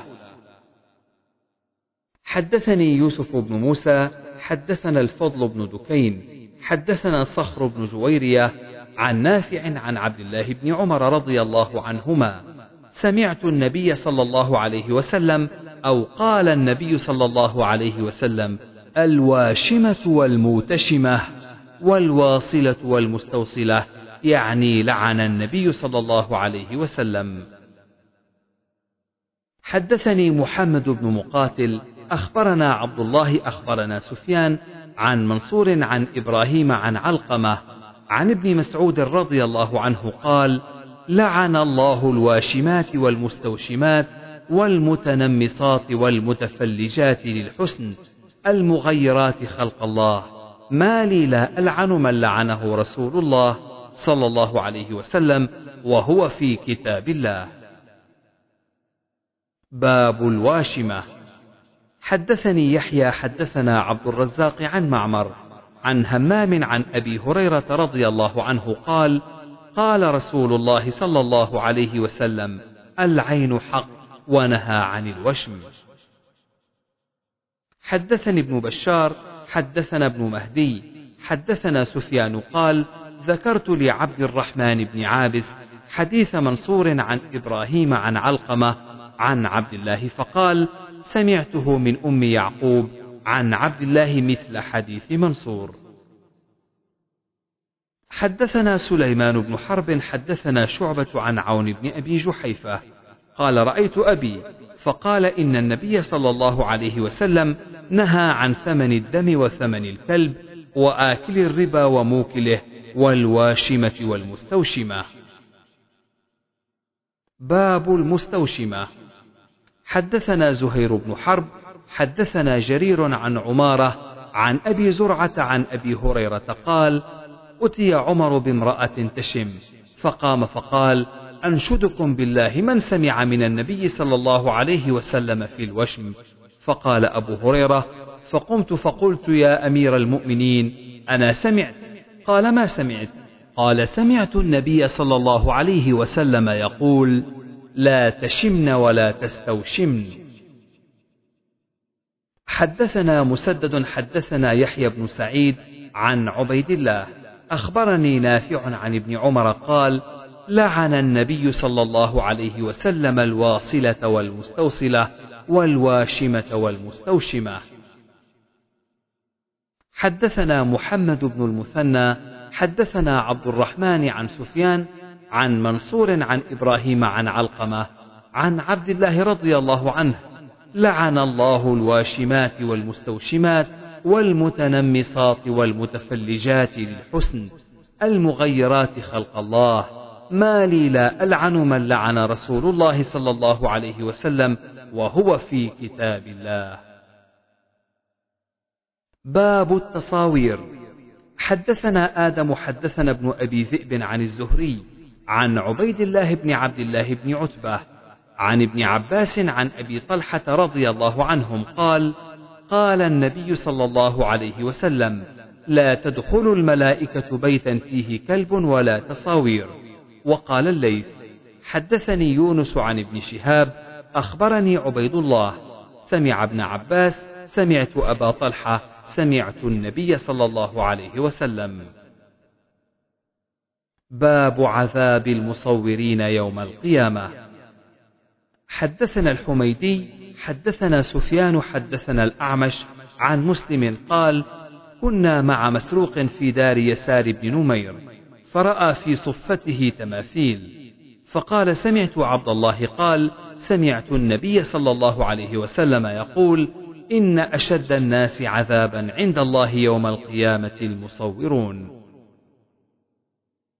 حدثنا إبراهيم بن المنذر، حدثنا أنس بن عياض عن عبيد الله عن نافع، أن عبد الله بن عمر رضي الله عنهما أخبره أن رسول الله صلى الله عليه وسلم قال: إن الذين يصنعون هذه الصور يعذبون يوم القيامة يقال لهم أحيوا ما خلقتم.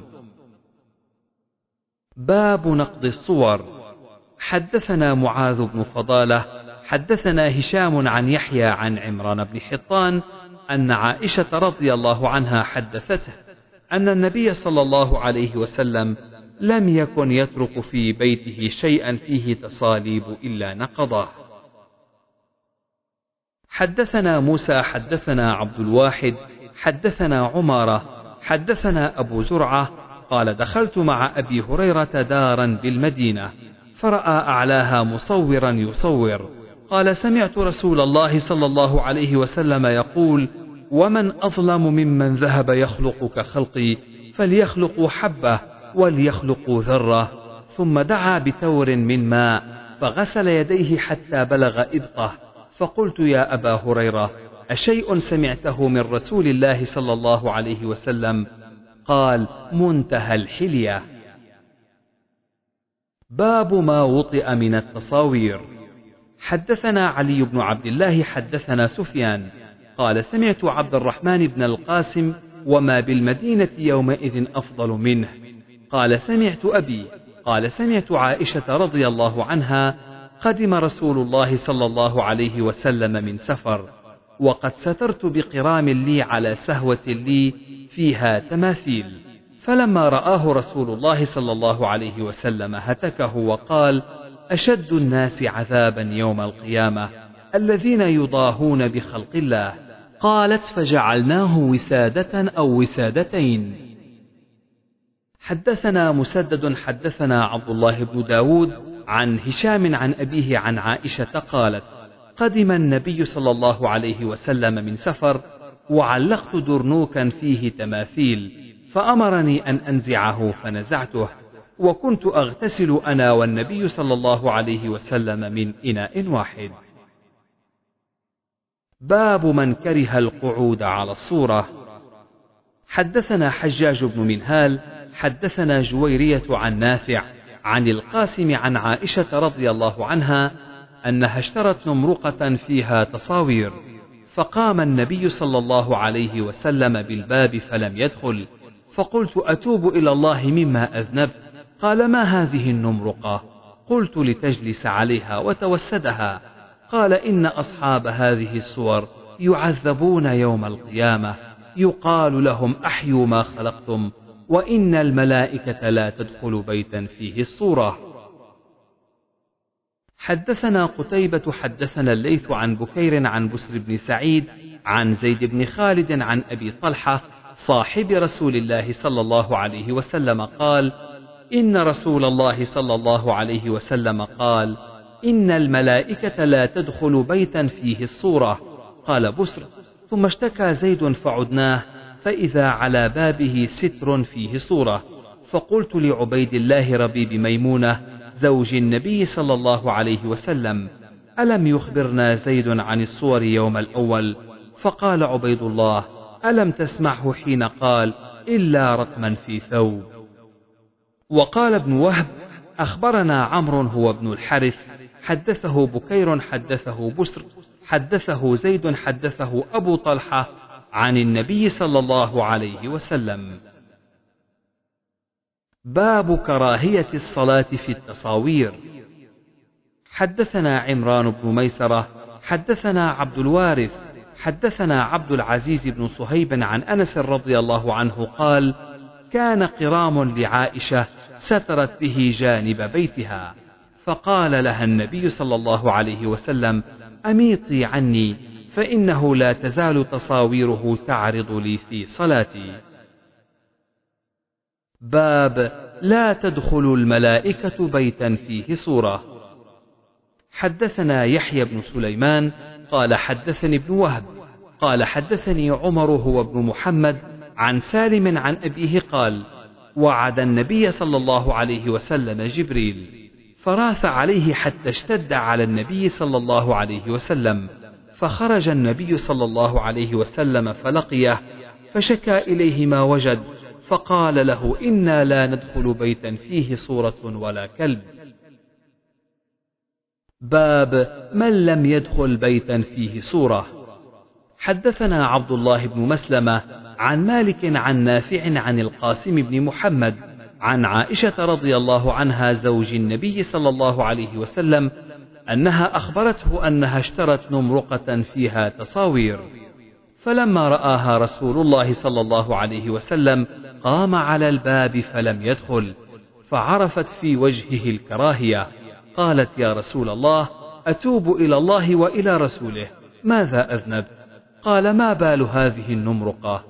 فقالت اشتريتها لتقعد عليها وتوسدها.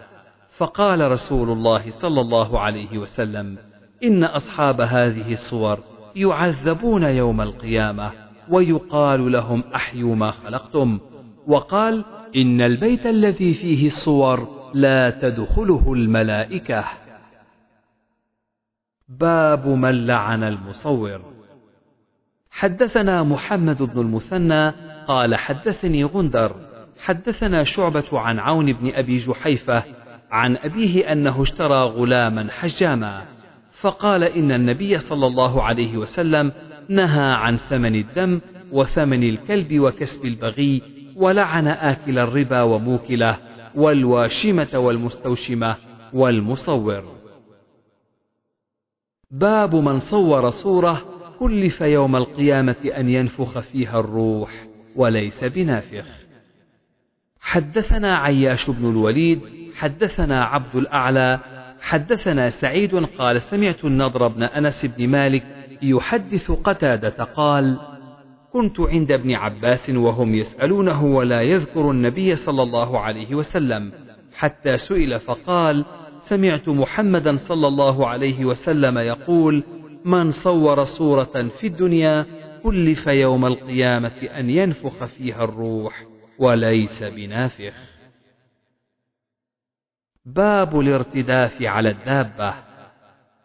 حدثنا قتيبة حدثنا أبو صفوان عن يونس بن يزيد عن ابن شهاب عن عروة عن أسامة بن زيد رضي الله عنهما أن رسول الله صلى الله عليه وسلم ركب على حمار على إكاف عليه قطيفة فدكية وأردف أسامة وراءه. باب الثلاثة على الدابة. حدثنا مسدد حدثنا يزيد بن زريع. حدثنا خالد عن عكرمة عن ابن عباس رضي الله عنهما قال لما قدم النبي صلى الله عليه وسلم مكة استقبله أغيلمة بني عبد المطلب فحمل واحدا بين يديه والآخر خلفه. باب حمل صاحب الدابة غيره بين يديه. وقال بعضهم صاحب الدابة أحق بصدر الدابة إلا أن يأذن له. حدثني محمد بن بشار حدثنا عبد الوهاب حدثنا أيوب ذكر الأشر الثلاثة عند عكرمة. فقال قال ابن عباس أتى رسول الله صلى الله عليه وسلم وقد حمل قثم بين يديه والفضل خلفه أو قثم خلفه والفضل بين يديه فأيهم شر أو أيهم خير. باب حدثنا هدبة بن خالد حدثنا همام حدثنا قتادة حدثنا أنس بن مالك عن معاذ بن جبل رضي الله عنه قال بين أنا رديف النبي صلى الله عليه وسلم ليس بيني وبينه إلا أخرة الرحل. فقال يا معاذ قلت لبيك رسول الله وسعديك. ثم سار ساعة ثم قال يا معاذ قلت لبيك رسول الله وسعديك. ثم سار ساعة ثم قال يا معاذ قلت لبيك رسول الله وسعديك. قال هل تدري ما حق الله على عباده؟ قلت الله ورسوله أعلم. قال حق الله على عباده أن يعبدوه ولا يشركوا به شيئا. ثم سار ساعة ثم قال يا معاذ بن جبل قلت لبيك رسول الله وسعديك فقال هل تدري ما حق العباد على الله إذا فعلوه؟ قلت الله ورسوله أعلم قال حق العباد على الله ألا يعذبهم. باب إرداف المرأة خلف الرجل. حدثنا الحسن بن محمد بن صباح حدثنا يحيى بن عباد حدثنا شعبة أخبرني يحيى بن أبي إسحاق قال سمعت أنس بن مالك رضي الله عنه قال أقبلنا مع رسول الله صلى الله عليه وسلم من خيبر وإني لرديف أبي طلحة وهو يسير وبعض نساء رسول الله صلى الله عليه وسلم رديف رسول الله صلى الله عليه وسلم إذ عثرت الناقة فقلت المرأة فنزلت فقال رسول الله صلى الله عليه وسلم إنها أمكم. فشددت الرحل وركب رسول الله صلى الله عليه وسلم. فلما دنا أو رأى المدينة قال آيبون تائبون عابدون لربنا حامدون. باب الاستلقاء ووضع الرجل على الأخرى. حدثنا أحمد بن يونس حدثنا إبراهيم بن سعد حدثنا ابن شهاب عن عباد بن تميم عن عمه أنه أبصر النبي صلى الله عليه وسلم يضطجع في المسجد رافعا إحدى رجليه على الأخرى.